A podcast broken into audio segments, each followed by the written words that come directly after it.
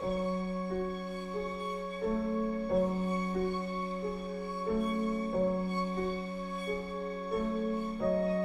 selamat datang di Serial Killer Podcast bareng gue Mumtaz. Dan gue Nadine.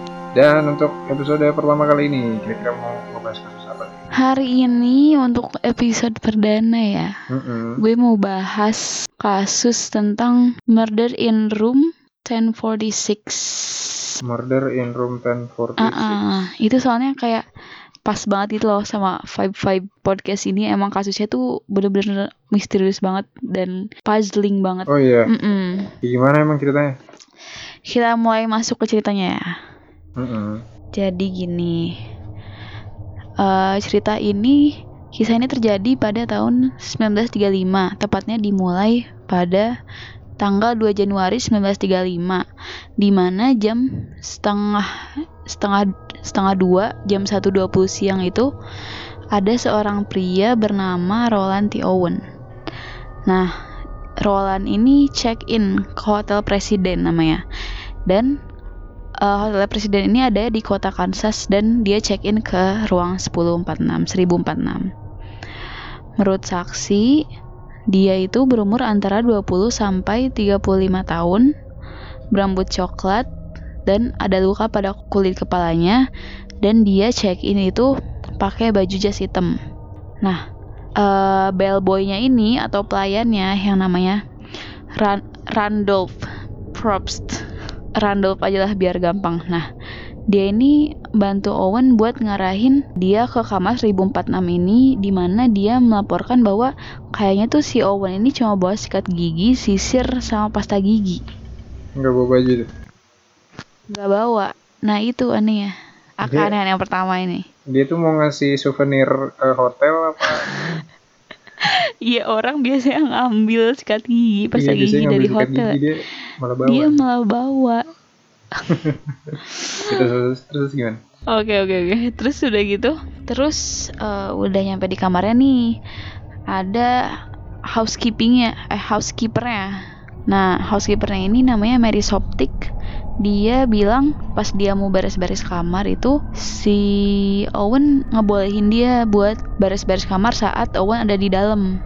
Terus udah gitu setelah selesai si Owen bilang juga ke Mary katanya tolong jangan dikunci pintu kamarnya soalnya si Owen ini lagi nunggu temennya datang katanya. Nah, terus si Owen juga ngebiarin tirai jendelanya itu tertutup dan hanya menyalakan satu buah lampu tidur.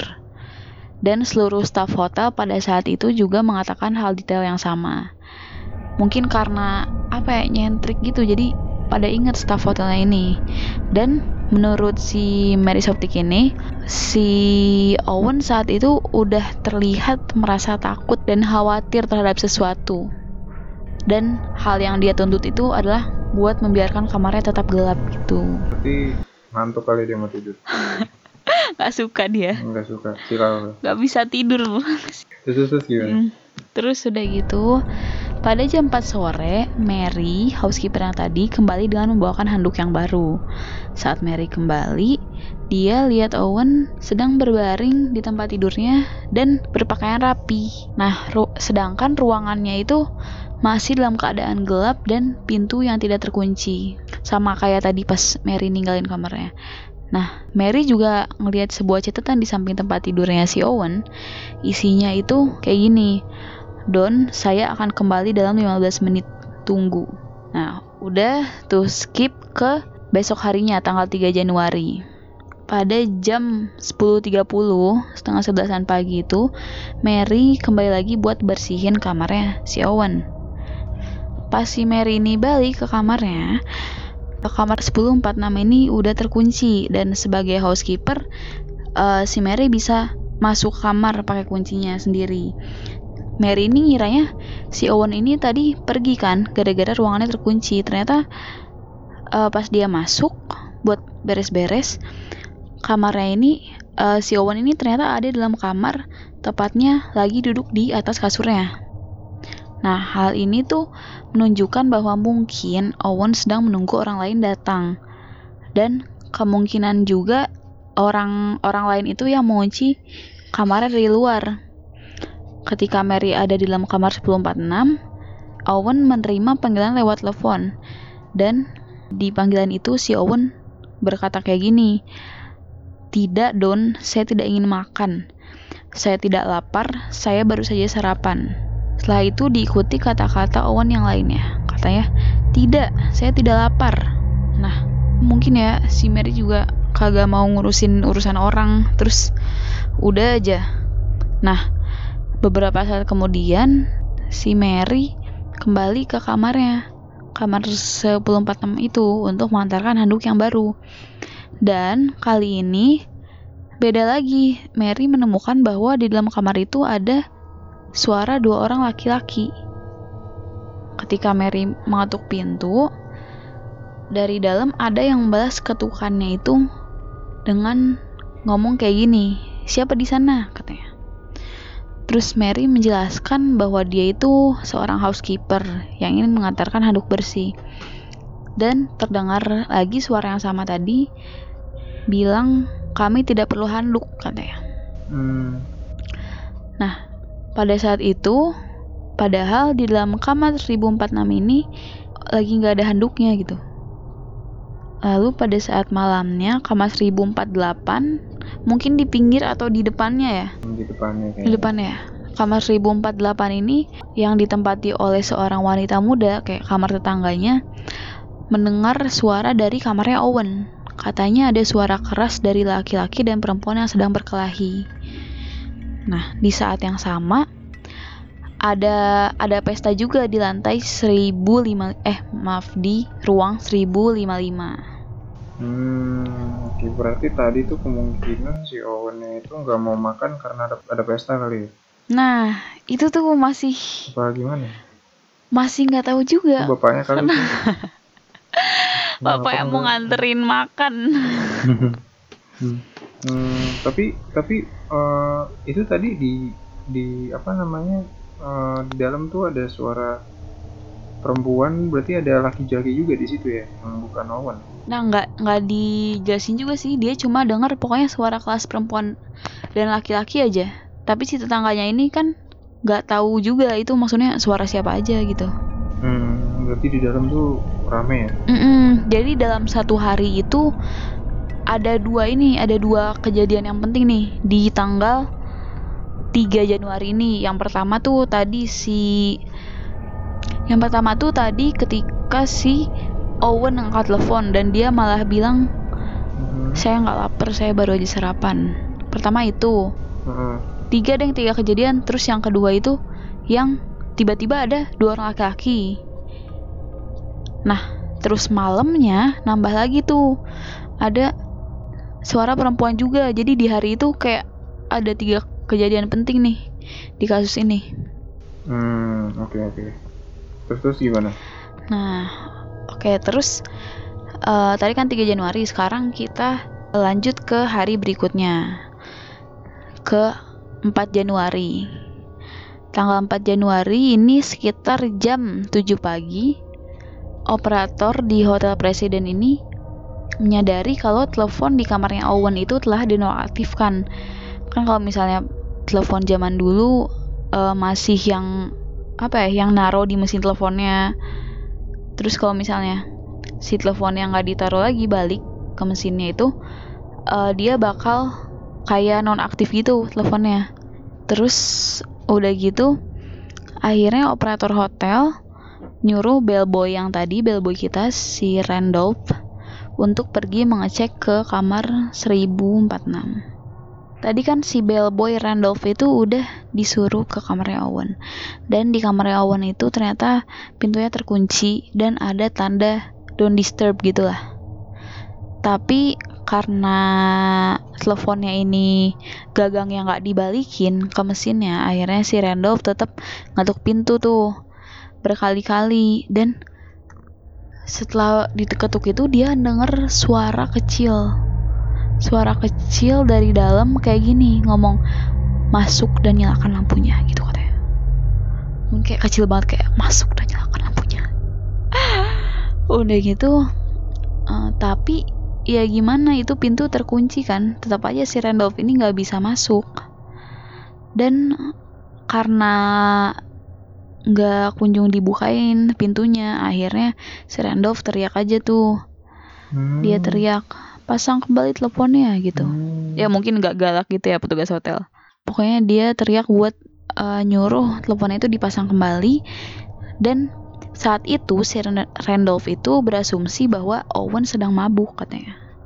Terus satu setengah jam berlalu teleponnya ternyata masih belum terpasang. Dan eh, akhirnya dipanggil tuh pelayan lain namanya Harold Pike. Dia punya dia punya kunci cadangan punya hotelnya dan akhirnya dia masuk ke kamarnya Owen ke kamar 1046 saat Harold masuk Harold melihat bahwa di kamar itu keadaannya gelap dan si Owen lagi tengkurap di atas kasur dengan ke- keadaan telanjang dan sepertinya masih mabuk katanya. Dia juga menyadari satu hal yaitu di sekitar badannya Owen di spraynya itu ada bercak noda gelap. Dan gagang teleponnya ternyata bener aja emang nggak dibalikin ke mesin teleponnya. Akhirnya si Harold eh, benerin gagang teleponnya terus udah keluar lagi. Nah terus lanjut ke beberapa saat setelahnya jam setengah sebelas 10.30 sampai 10.45 gagang telepon ini lagi-lagi di kayak diambil gitu dari mesinnya. Jadi kedeteksi lagi nih nonaktif sama si operator hotel. Nah eh, kali ini si Randolph bellboy yang awal tadi eh, yang dikirim buat ngecek kamarnya Owen buat ngeliat situasi. Dan saat Randolph buka pintu dia melihat keadaan yang sangat mengerikan Berikut adalah pernyataan dia kepada polisi. Kata Randolph, ketika saya masuk kamar, orang ini berjarak sekitar dua kaki dari pintu. Dia bilang he's on his knees and elbow. Jadi kayak posisi posisi hampir sujud gitu dengan memegang kepalanya dengan tangannya. Saya melihat ada darah di kepalanya. Lalu saya menyalakan lampunya. Saya melihat sekitar dan menyadari bahwa ada darah juga pada dinding, kasur, dan kamar mandi. Kejadian ini sangat mengerikan sehingga saya langsung meninggalkan kamar dan turun ke bawah. Gila. Dia dia tuh dalam keadaan sujud, kepalanya berdarah, Iya, terus aneh banget posisinya. uh, terus itu si ininya gimana? Si Haroldnya dia nggak minta tolong apa apa? Nah, dia dia langsung ini, dia langsung ke bawah tuh minta pertolongan. Oh, Nah, yang anehnya di sini tuh tadi kan kamarnya Owen tuh pas dicek Owennya lagi tengkurap di atas kasur kan. hmm, Kenapa kenapa dalam rentang waktu yang nggak lama dari setengah delapan sampai setengah sebelas tuh kira-kira tiga jam ya? ya itu lumayan lama Ya sih. lumayan sih, cuma untuk untuk men- meninggalkan scene yang separah itu Itu kenapa bisa ada di mana-mana ya ini darahnya? Apa dia nah nggak tahu juga. Apa dia terombang ambing di dalam kamar gitu? Kamar dia doang yang terombang ambing. Iya maksudnya bisa bisa ke mana-mana gitu sampai ke dinding ke kamar mandi ke Dan dan kan kalau kepala kan kalau bocor dia ini kan apa namanya darahnya itu langsung encer keluar gitu kalau nah iya, ini nyampe ada di dinding kamar mandi di mana-mana. Hmm, kalau dia di kasur ya. Padahal dia tadi terakhir di kasur dan dan tadi juga tuh si darahnya awalnya belum kelihatan karena belum nyalain lampunya kan. Mm-mm. Nah, yang nggak tahu itu apakah pas tadi jam setengah delapan sebenarnya si darah itu udah ada di mana-mana atau atau justru kejadiannya tuh ada di antara setengah delapan sampai setengah sebelas itu. Hmm. Iya. Lanjut dulu deh ya, Terus terus. lanjut dulu. Mm-mm. Setelah melalui pemeriksaan ditemukan ceder- cedera parah di tubuhnya Owen. Dan yang anehnya lagi sih, Ini di leher dan pergelangan kakinya si Owen ini ada kabel. Jadi kayak sengaja diikat dililitin di leher dan pergelangan kakinya. Nah, terus kelihatannya juga dia itu telah disiksa. Karena selain cedera-cedera tadi juga darahnya itu ditemukan di mana-mana. Bahkan ditemukan lagi di dinding langit-langit dan di atas pintu. Nah, setelah itu diotopsi, diotopsi ini jasadnya Owen dan uh, terdapat luka-luka ini. Jadi uh, Owen ini mengalami banyak pukulan di kepalanya yang membuat tengkoraknya retak. Dia juga memiliki beberapa tusukan di dadanya yang menembus paru-paru. Dan ada juga bekas cekikan di leher. Tapi pada ajaibnya, pada saat Owen ditemukan, Owen ini masih dalam keadaan hidup. Dan bahkan salah satu detektif uh, sempat bertanya pada Owen, sebenarnya siapa yang lakuin ini sama kamu gitu kan. Terus dia juga nanya kayak siapa orang yang ada di kamar sama kamu. Tapi Owen ini malah jawab tidak ada. Oh, berarti dia melindungi si pelakunya. Nah iya. Kenapa ya? Itu berarti mungkin dia merasa merasa ini kali ya. Dia nggak mau balas dendam gitu kali hmm, tapi kayak like merasa uh -uh. kamu tuh udah di atau mungkin atau mungkin memang tidak ada dia sendiri yang melakukannya ngapain orang lilitin kabel di kepalanya sendiri? Mungkin dia mabuk seperti yang dibilang. Atau dia merasa stres dan akhirnya terus dia nyiprat nyipratin darahnya sendiri gitu? Iya kayak aduh ini uh, gimana ya biar mantap kok aku nggak mati-mati gitu? Oh dia masih hidup dengan dengan dia ada luka tusukan dan tengkorak retak tapi nggak mungkin lah ya.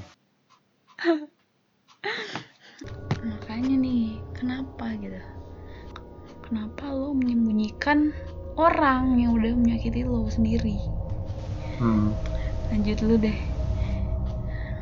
nah sebenarnya pada saat ditanya detektif itu si Owen itu udah uh, kesakitan dan udah kesulitan untuk berbicara tapi dia masih juga sempat menjelaskan bahwa katanya saya jatuh dan kepala saya terbentur bak mandi Lalu udah ngomong gitu si Owen akhirnya mulai kehilangan kesadaran dan segera dilarikan ke rumah sakit.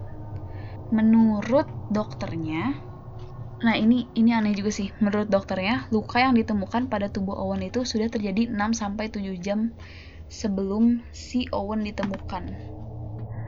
Dari nah, setelah dilakukan pemeriksaan oleh detektif, para detektif ini tidak menemukan adanya senjata di kamar dan pada tubuh Owen. Dan kejadian ini bukan percobaan bunuh diri. Terus empat sidik jari yang ditemukan di gagang telepon juga ada dan berpotensi dari seorang wanita. Owen meninggal setelah tengah malam pada tanggal 5 Januari di rumah sakit. Dan jasad Owen ditempatkan di rumah duka Melody McGilly Nah, sebelumnya, pada saat Owen pertama kali datang ke hotel, Owen menyebutkan kalau dia itu berasal dari Los Angeles. Tapi pihak Los Angeles itu tidak menemukan catatan atas nama Roland T. Owen. Hal ini menimbulkan kerumitan lagi dalam kasus ini. Yang mana kalau Roland T. Owen bukan nama aslinya, lalu siapakah nama aslinya? Berarti bentar-bentar tadi ada empat sidik jari ditemukan di gagang teleponnya. Iya. Dan berpotensi dari seorang wanita. Berarti emang iya. dari sidik jari itu bisa menentukan jenis kelamin ya? Maksudnya bukannya langsung orangnya gitu siapa gitu. Ya nggak sih? Nah kalau dicari-cari lagi sih, sidik jari itu pada saat ini 1935 ini belum ditemukan kayak cara identifikasi orang lewat sidik jari gitu loh berarti berarti cuman bisa nentu belum ada datanya gitu sih di jari baru bisa. Mm belum ada datanya. Tapi kenapa ya?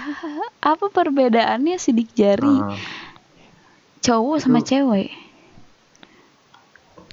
Itu sidik jari empat sidik jari itu jari apa? Tuh jempol semua apa gimana? Itu nggak tahu. Nggak mungkin jempol Ada banyak semua banyak itu. kan dong. Hmm. Berarti Roland T. Owen bukan nama aslinya. Berarti semenjak dia masuk ke hotel, dia itu udah menutupi sesuatu. iya dia menutupi sesuatu yang yang kalau dilihat dari kasus ini sih kayak nggak ada untung-untungnya buat dia gitu Hmm. Kayak emang ya ya udahlah gue pengen dibunuh di sini biar enak ya gue iya di hotel aja kan. Kalau di rumah gue nggak nyaman. Gitu. pengen enak ya di hotel Ya lanjut lanjut lanjut. Oke, nah sekarang kita lanjut ke aftermath-nya dari kasus ini setelah Owen meninggal. Ternyata nggak kalah rumit juga, jadi kan heboh nih pasti berita. Seiring dengan menyebarnya berita, akhirnya banyak pihak yang eh, menghubungi kota Kansas buat buat kayak ngecek takutnya Owen ini sebenarnya eh, saudaranya, anaknya, temennya, tapi nggak ada yang cocok satupun.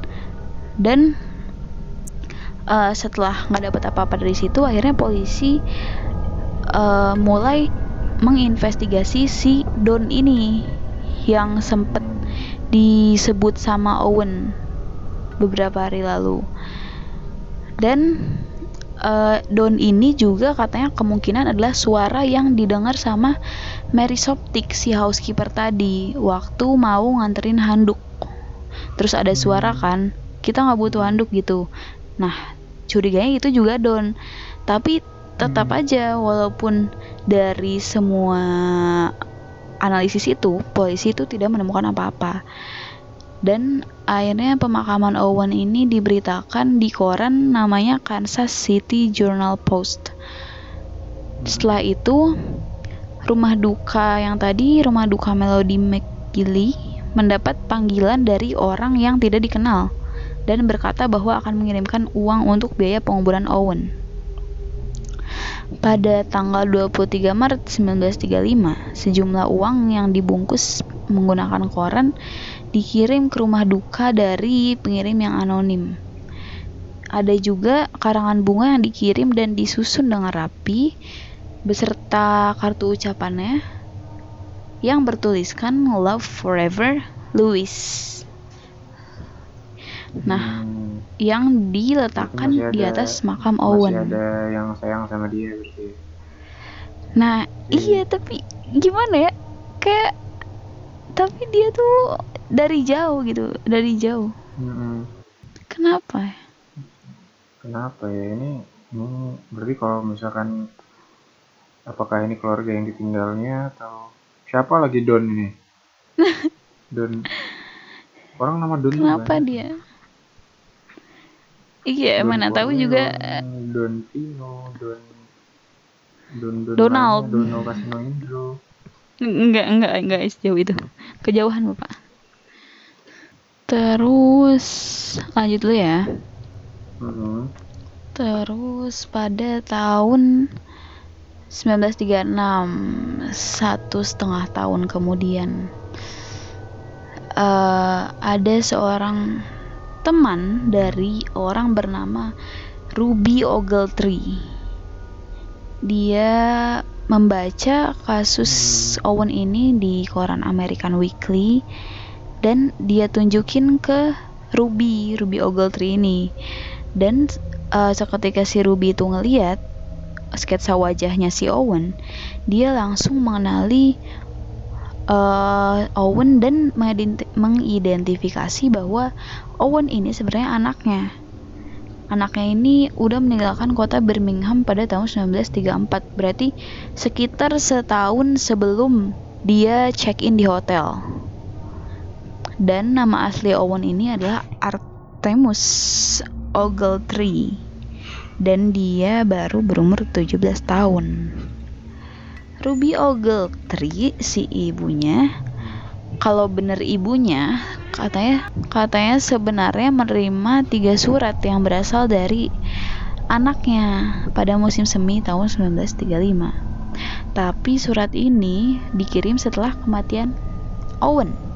dalam keadaan diketik. Menurut berita yang dikabarkan melalui sebuah koran, Ruby ini ngomong bahwa sangat mencurigakan surat ini. Soalnya setahu dia, anaknya si Artemus itu nggak bisa ngetik. Dan di koran ini juga kelihatannya tuh bahasanya tuh kaku banget. Bukan bukan kaku, nggak baku banget dan asing gitu ini untung banget ya berarti kalau ibunya teman ibunya ini misalkan siapa si Ruby ini tuh nggak baca koran kayaknya nggak bakal nggak iya bakal ketahuan itu anaknya gitu untung kenal. Takdir itu namanya takdir. Iya, umurnya masih muda lagi 17 tahun. Dia udah merantau. Iya itu. Hmm. kalau bener 17 tahun dan dibunuh dengan cara sekejam itu sih kasihan banget sih. Mm-mm. tapi dia ini ya maksudnya eh hoki-hoki banget ini ibunya. Untung kenal juga lewat koran gitu. Iya. Mu- mukanya waktu itu kalau nggak salah masih belum ada foto ya. Apa udah ada ya ada sketsa adanya sketsa. wajah kan ya. Untung bisa kenal ini ini anak saya gitu. Berarti ini ibunya penyayang dikenal anak oh iya. Heeh. Terus setelah beberapa waktu lanjut lagi ketika ditemukan bukti baru bahwa ternyata si Owen atau Artemus ini kalau emang benar juga pernah menginap di hotel yang bernama Saint Regis di kota Kansas dan bersama seseorang kemungkinan besar orang itu adalah Don. Nah, terus lama-lama-lama kasus ini nggak terpecahkan sampai eh, pada awal tahun 2000 Dr. John Horner namanya penulis dari artikel yang menceritakan dengan lengkap mengenai kasus pembunuhan ini menerima panggilan telepon tentang si Owen nah penelpon itu mengklaim bahwa dia menemukan sebuah kotak yang berisi artikel koran tentang kasus ini di dalam tas orang tua yang sudah meninggal. Menurut si penelpon, ada hal, hal lain sebenarnya di dalam kotak itu. Sayangnya si penelpon ini nggak mau ngasih tahu apa yang ada di kotak itu selain artikel koran yang udah dikumpulin.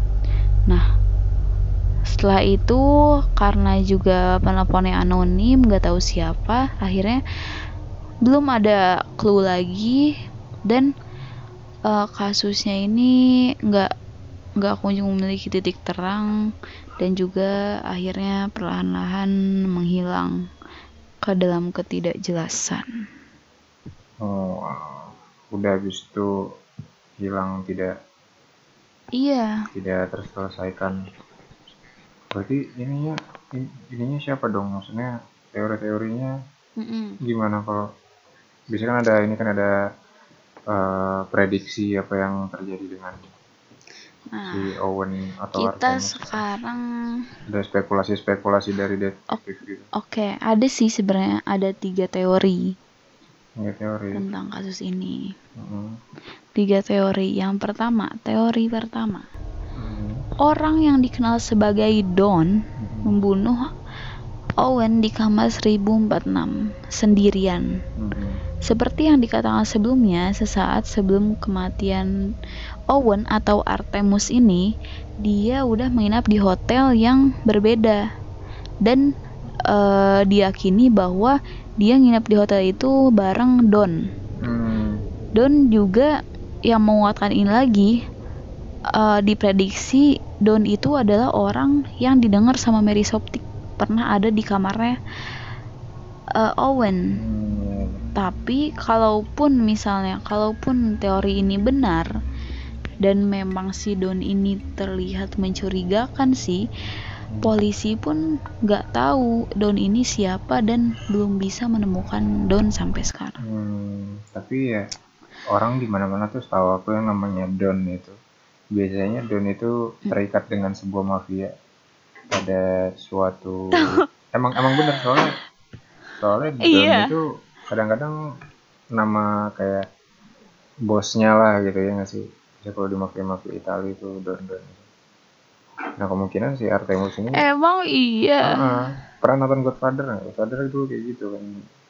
Dia uh, Don itu biasanya orang yang terhormat orang yang uh, ya ibaratnya pangkatnya tinggi dan nggak mau macem-macem lah sama orang Don ini. Biasa sih gitu. Tapi emang kalau dia manggil Don berarti itu manggil sebuah gelar bukan nama aslinya Don Oh really? Berarti Don ini mungkin kayak kemungkinan cuma nama alias gitu. Iya, nama nama jabatan lah kayak orang manggil bapak pak gitu.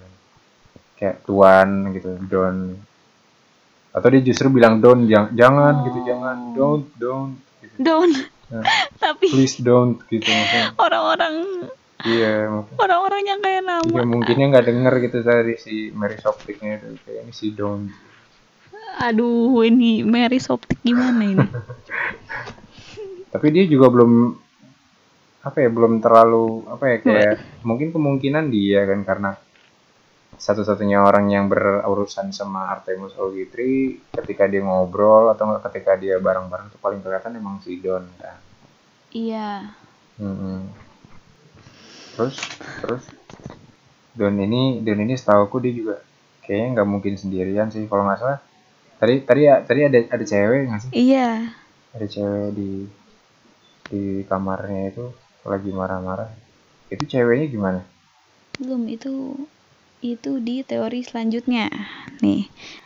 Teori kedua ini ini mendukung pendapat kalau si Don ini masih terlibat tapi dia nggak bertindak sendirian. Nah, teori ini itu berhubungan dengan hasil observasi oleh Charles Blocher, Blocher, Blocher, tugas lift hotel yang eh, pada malam terjadinya pembunuhan. Eh, katanya pada malam itu si Blocher, Blocher melihat seorang wanita yang berdandan rapi menuju lantai 10. Ciri-cirinya itu memiliki berat badan 50 kg dan tinggi 170 cm dengan mengenakan robe. Blocher ini mengklaim bahwa wanita ini mencari ruangan 1026 untuk bertemu seorang pria yang tidak bisa ditemukan. Kemungkinan eh, menurut si Blocher ini kayaknya nih cewek sebenarnya mau ke ruangannya Don. Tapi kayak salah sebut jadi 1026, harusnya 1046. Dan wanita ini juga terlihat bersama pria lain dari lantai 9. Pria lain ini dicurigai itu sebagai Don tadi. Ini diperkuat dengan bukti bahwa di kamar 1046 kan tadi ada sidik jari wanita 4 biji di gagang telepon. Dan eh tetangganya juga maksudnya kamar tetangganya juga kan di malam ada pesta itu dia dengar suara ribut-ribut eh, suara perempuan sama suara laki-laki. Dan malam itu juga tuh malam di mana apa ya malam sebelum kematiannya si Owen ini. Gitu. Hmm, berarti berarti dia ini naik dari lantai 9 ke lantai 10 lah ya. Bukan dari lobby gitu ya. mungkin Dia tuh sama bareng sama cowok ini yang katanya si Don ini tuh dari lantai 9. Mm-mm. katanya si Don iya tapi kalau emang bener ya yang tadi yang kata lo tadi kalau misalnya si Don ini panggilan buat orang yang punya pangkat tinggi mungkin itu bisa ngejelasin kenapa si Mhm. Owen atau Artemus ini awalnya terlihat takut gitu. Dari pas dia udah check in hotel tuh dia udah kayak takut. Iya, tapi ya ya karena ini kan teori gua ya, maksudnya gua spekulasiin kalau misalkan biasanya nama Don dan mafia-mafia zaman dulu kan emang berpakaian rapi dan wajar kalau si Artemus ini merasa apa ya, merasa takut dan biasanya dalam mafia-mafia itu tuh pembunuhannya eh, rapih gitu. Jadi kayak ah kayak namanya iya, nggak iya. jelas siapa terus kayak uh, uh, cuman ya brutal brutal juga rapi-rapi apa Hmm. rapi tapi brutal gitu Uh, mungkin perempuan ini juga merupakan bagian dari mafia yang sama dengan Don itu Hmm, lanjut. lanjut lanjut, lanjut. kalau yang ketiga gimana Teori ketiga. Ini lebih bukan ngarah ke suspeknya. Teori ketiga itu lebih ngarah ke motifnya. Jadi katanya teori ketiga menyebutkan kalau Artemus atau Owen ini dibunuh karena selingkuh dengan tunangannya. hmm.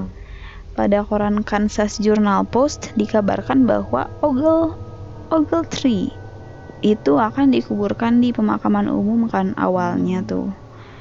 Diberitain bahwa seorang pria yang gak dikenal akan di- dikuburkan di pemakaman umum. Dan tiba-tiba ada telepon dari seorang yang tidak dikenal. Tiba-tiba nelfon ingin membiayai pem- pemakamannya. Menurut artikel pada Newcastle Sun sebuah koran juga menyatakan kalau pembunuhan di kamar 1046 itu terjadi agak sedikit berbeda. Jadi eh, ada seorang wanita yang tiba-tiba nelfon koran ini dan koran ini setelah dia mempublish kasusnya si Owen tiba-tiba ada telepon yang bilang kalau cerita yang kalian bikin di koran itu salah ceritanya bukan kayak gini.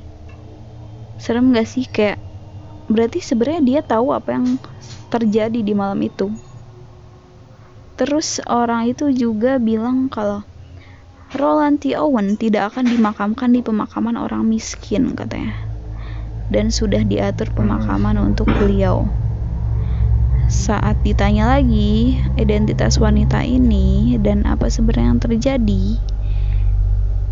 kepada Owen dia malah membalas "Eh, tidak apa-apa saya tahu apa yang saya bicarakan dan dia mengalami kesalahpahaman katanya.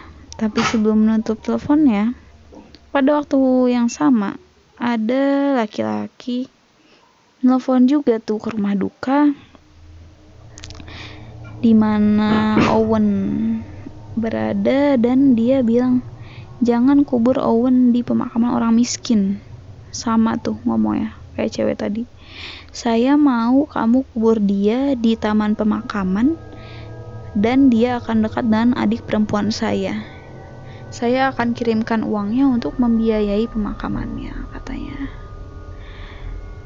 Nah terus itu diikuti juga dan kejadian karangan bunga itu. Jadi udah dimakamin ternyata ada karangan bunga yang datang karena menurut menurut si tokonya atau jasa yang bikin karangan bunga itu dia mendapat panggilan bahwa ada seorang yang meminta 13 bunga mawar diantar ke pemakaman Roland T. Owen. Dan orang itu juga berkata saya melakukan ini untuk adik perempuan saya katanya itu teori ketiga teori terakhir. Iya benar berarti ya kayak kemungkinan yang tadi nelpon ke koran itu perempuannya dia melihat kejadiannya ya. iya. Atau enggak dia tahu. Atau jadi kemungkinan Nah, perempuan iya. tuh orang yang ada di dalam. Yang ada di dalam tapi kenapa ya? Dan tadi juga apa ya kan tadi kan katanya selingkuh katanya. Ah, ah. nah itu. Ah, hubungannya dia- dengan dia selingkuh apa? mungkin mungkin perempuan ini adalah perempuan yang tunangannya itu yang diselingkuhin. Dan biasanya kalau menurut eh, iniku penga- pengamatanku kalau misalkan macam-macam dengan keluarga mafia itu pasti bakal apa ya oh. bakal ini banget bakal dapat hukuman yang berat. Soalnya kan mereka kan kayak selalu memandang keluarga itu yang paling paling penting gitu loh. Hmm, ini kita jadi menjurus ke ini ya. Kita kayak membuat teori baru Nah. teori mafia. Ini ini teoriku ini teoriku. Berarti ada empat ya Empat teori, Jadi, satu lagi. teori empat ini teori, teori empat ini kemungkinan yang terjadi adalah seperti itu. Karena misalkan satu dia pakai nama doang yang di mana itu sebuah pangkat atau sebuah kayak eh, sebutan terhormat gitu. Yang kedua hubungannya sama keluarga. Yang ketiga masalah perselingkuhan. Yang menjelaskan ada perempuan dan ada laki-laki di dalam kamar terus berantem. Ya kan? Nah karena apa ya dan mungkin mafia juga memegang memegang polisi juga kan. Jadi mungkin ada polisi-polisi yang korup yang justru nggak mau nyebarin apa yang terjadi dan justru mereka tahu cuman nggak mau di nggak mau disebar ke publik biar nggak tahu siapa yang ngebunuh. Karena ini punya keluarga si Hmm. ini gitu. Tapi muda juga ya dia tujuh dia juga muda juga jadi 17 tahun udah tunangan. Iya, apa nggak tahu sih apakah kultur waktu tahun Apa itu udah berapa- seperti itu? tahun depan ya? Tahun depannya 18 tahun. Muda juga. Ya mungkin ini kali ya maksudnya. Tapi emang zaman zaman dulu tuh zaman zaman zaman zaman perang kan ya. Saya kayak 1930 tuh masih perang. Ya mm-mm. zaman mau perang biasanya kan kalau orang zaman segitu tuh eh, pertumbuhan sosialnya dia ini dia dia tinggi. Jadi eh, nikahnya cepat nikahnya muda. Terus kayak karena dia mau mau perang Iya, gitu bisa jadi. jadi ya ini lumayan sih karena gimana ya ini membingungkan dan mengerikan sekali ya pokoknya jangan macam-macam sama mafia deh siapa pun di luar sana kematiannya nggak Pesan jelas moral. Entah. Pesan moral yang bisa kita dapatkan dari cerita ini adalah jangan macam-macam sama mafia jangan macem-macem mau mafia. Heeh. jangan orang jangan berurusan sama orang yang namanya Don karena udah dari namanya namanya adalah Don bukan Do kalau Do ya silakan kenal namanya Don Don't Don't, even jangan get close, macam-macam. Iya, don't even get too close to him and just just don't. Iya. Wow. Wow. Terletak sekali. Iya, mungkin mungkin orang kalau dengar ini ada teori baru lagi, ada teori baru lagi. Iya, cuman ya ini hanya spekulasi dan bukan kenyataan karena ini udah tahun 2020 Iya, ya. udah lama banget Iya, dan lama kita banget. juga kayak kita, Kita juga, juga bukan detektif. Kita cuma kita cuma menilai dari ceritanya ya dan Iya, dari bukti-bukti yang cerita, ditemukan. Ah, dari data dan sumber-sumber yang kita dapatkan inilah kesimpulannya. Ya, lumayan lah. Lumayan. Ya mungkin mungkin sampai sini dulu kali ya. Iya, udah lama ya kita ngomong ya. Iya, jangan lewatkan untuk episode selanjutnya bakal ada kasus-kasus menarik lagi. Mm-mm. Eh kita udah punya Instagram loh. Saya udah punya Instagram loh. Tadi di kemarin di opening belum. Belum. Orang mau bikin Instagram Instagramnya? dulu baru opening. Oh, nama iya. Instagramnya itu kayak nama podcast kita. Jadi namanya at serial killer. Serial ding, serial killer pods. Sereal ya, sereal killer pots Iya. pakai E kayak makan sereal dan boleh juga di follow dan kalau ada eh, cerita-cerita menarik yang mau dibacakan bisa langsung DM ke kami cerita-cerita apa pun sebenarnya mau mau crime mau misteri mau horor itu silakan nggak apa-apa ini aja nah, DM DM kami nanti kita bacain di episode episode selanjutnya ya mungkin segitu aja kali ya Ya, Terima kasih. eh, nama gue Mumtaz. dan gue Nadine. Sampai jumpa di waktu Episode selanjutnya. dan waktu episode episode ya. Sampai jumpa di episode selanjutnya. Bye.